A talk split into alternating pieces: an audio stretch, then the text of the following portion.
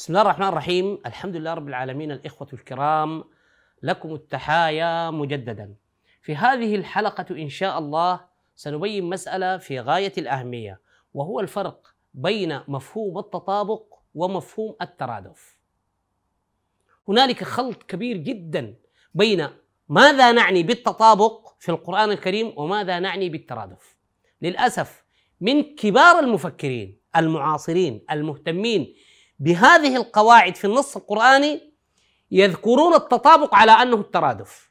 يعني يقولون لا ترادف في القرآن الكريم. يجب نفي الترادف. يا جماعة الذي يجب أن ينفى عن القرآن الكريم ليس بالترادف. الترادف موجود في القرآن الكريم وهو من جمال خطاب وأسلوب القرآن الكريم. الذي يجب أن ينفى عن القرآن الكريم هو مبدأ التطابق. لذلك كان لزاما علي أن أشرح ماذا يعني الترادف وماذا يعني التطابق. التطابق الذي نعنيه والذي يجب أن ينفى عن القرآن الكريم بالجملة هو أن تتطابق كلمتين مختلفتين في اللفظ والرسم والمنطوق ومن ثم يتطابقان على معنى واحد. يتطابقان على معنى واحد تطابقي وقع الحافر على الحافر. يعني باعتبار واحد بدلالة واحدة بمعنى واحد. ويمكن للكلمة ويمكن للكلمة أن تحل مكان الكلمة الأخرى في السياق. ولا يتغير المعنى ولا تتغير الدلالة ولا يتغير مراد الله. هذا الذي يجب أن ينفى جملة وتفصيلا. هذا هو مفهوم التطابق. أما مفهوم الترادف هو تتابع وصفين أو صفتين على موصوف واحد أو دلالتين أو مجموعة من الدلالات على مسمى واحد أو على معنى واحد مع الاحتفاظ لكل دلالة أو لكل كلمة بفارق في الدلالة عن الكلمة الأخرى. ما تطابقي. وهذا في القرآن الكريم موجود كثيرا بل هو من جمال القرآن الكريم. والبرهان على ذلك فمثلا الرواية المنسوبة إلى ابن عباس رضي الله عنه قال كنت رديف النبي عليه الصلاة والسلام. رديف. إذا هو والنبي تتابعوا على ظهر الدابة. كنت رديف أردفك.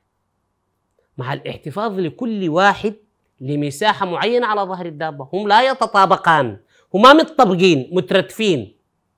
الترادف هو تتابع كلمتين أو ثلاثة على مفهوم واحد أو مجموعة من الصفات على موصوف واحد ولكن الضرورة لكل مفرده أن تحتفظ بشيء من فارق الدلالة. هذا في القرآن الكريم بالآلاف. أسماء اليوم الآخر كلها مترادفات. هي كلها عبارة عن صفات لموصوف واحد وهو اليوم الآخر. اليوم الآخر يوم الدين يوم الحسرة آه، يوم التغابن يوم الجمع لا ريب فيه. كلها أوصاف لليوم الآخر.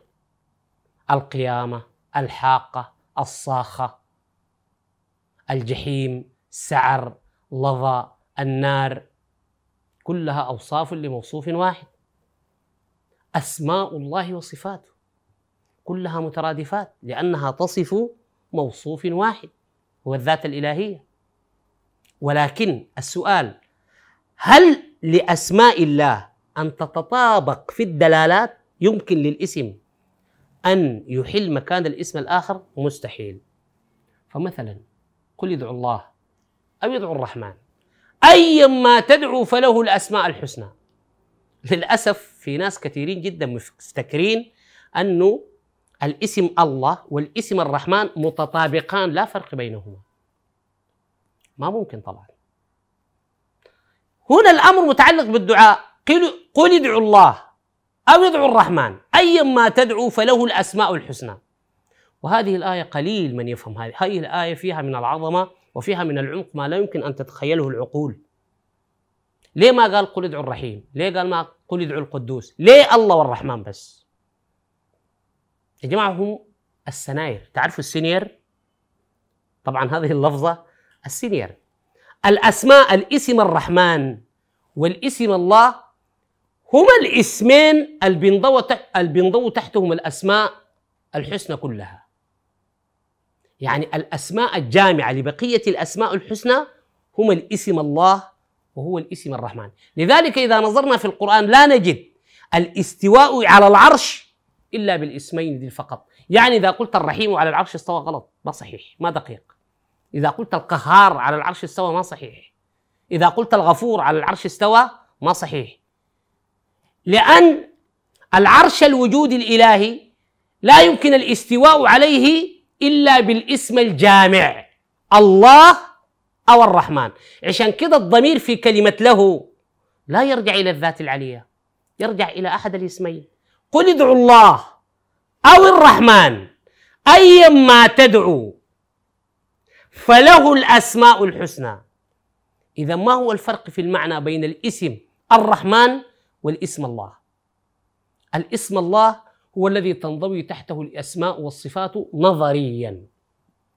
والاسم الرحمن هو الاسم العملي. يعني أنت داير تدعو الله نظريا تدعو الله. إذا داير تطبق الدعاء عمليا مثلا داير ربنا يرزقك. إما تدعو بالنظري وإما تدعو بالعملي إذا دار تشتغل بالعمل وهو سريع طبعا. طبعا ده كلام قد يأخذنا إلى خارج الحلقة. ربما لو أتيحت لنا فرصة سنتطرق عن هذه القضية لأنها عميقة شوية يا جماعة. نرجع إلى موضوعنا الفرق بين الترادف والتطابق. قلنا الترادف موجود في القرآن الكريم. والذي يجب أن ينفع عن القرآن الكريم هو تطابق. ولكن للأسف الشديد المنظومة التفسيرية للقرآن الكريم التي وصلتنا كلها تقر التطابق. كلها تقر التطابق. هم لا يفرقون لنا ما, ما هو الفرق بين معنى الريب والشك. بل لا لا تكاد أن تخلو صفحة من القرآن الكريم إلا وفيها التطابق والترادف.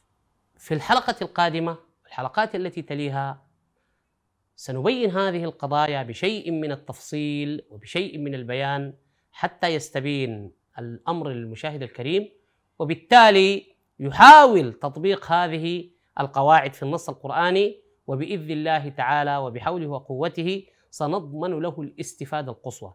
بل سيرتقي إليه حب القرآن الكريم وسيعلم أن هذا القرآن ما كان له أن ينبغي إلا أن يكون من الله سبحانه وتعالى. إلى أن ألتقي بكم أترككم في حفظ الله ورعايته. السلام عليكم ورحمة الله تعالى وبركاته.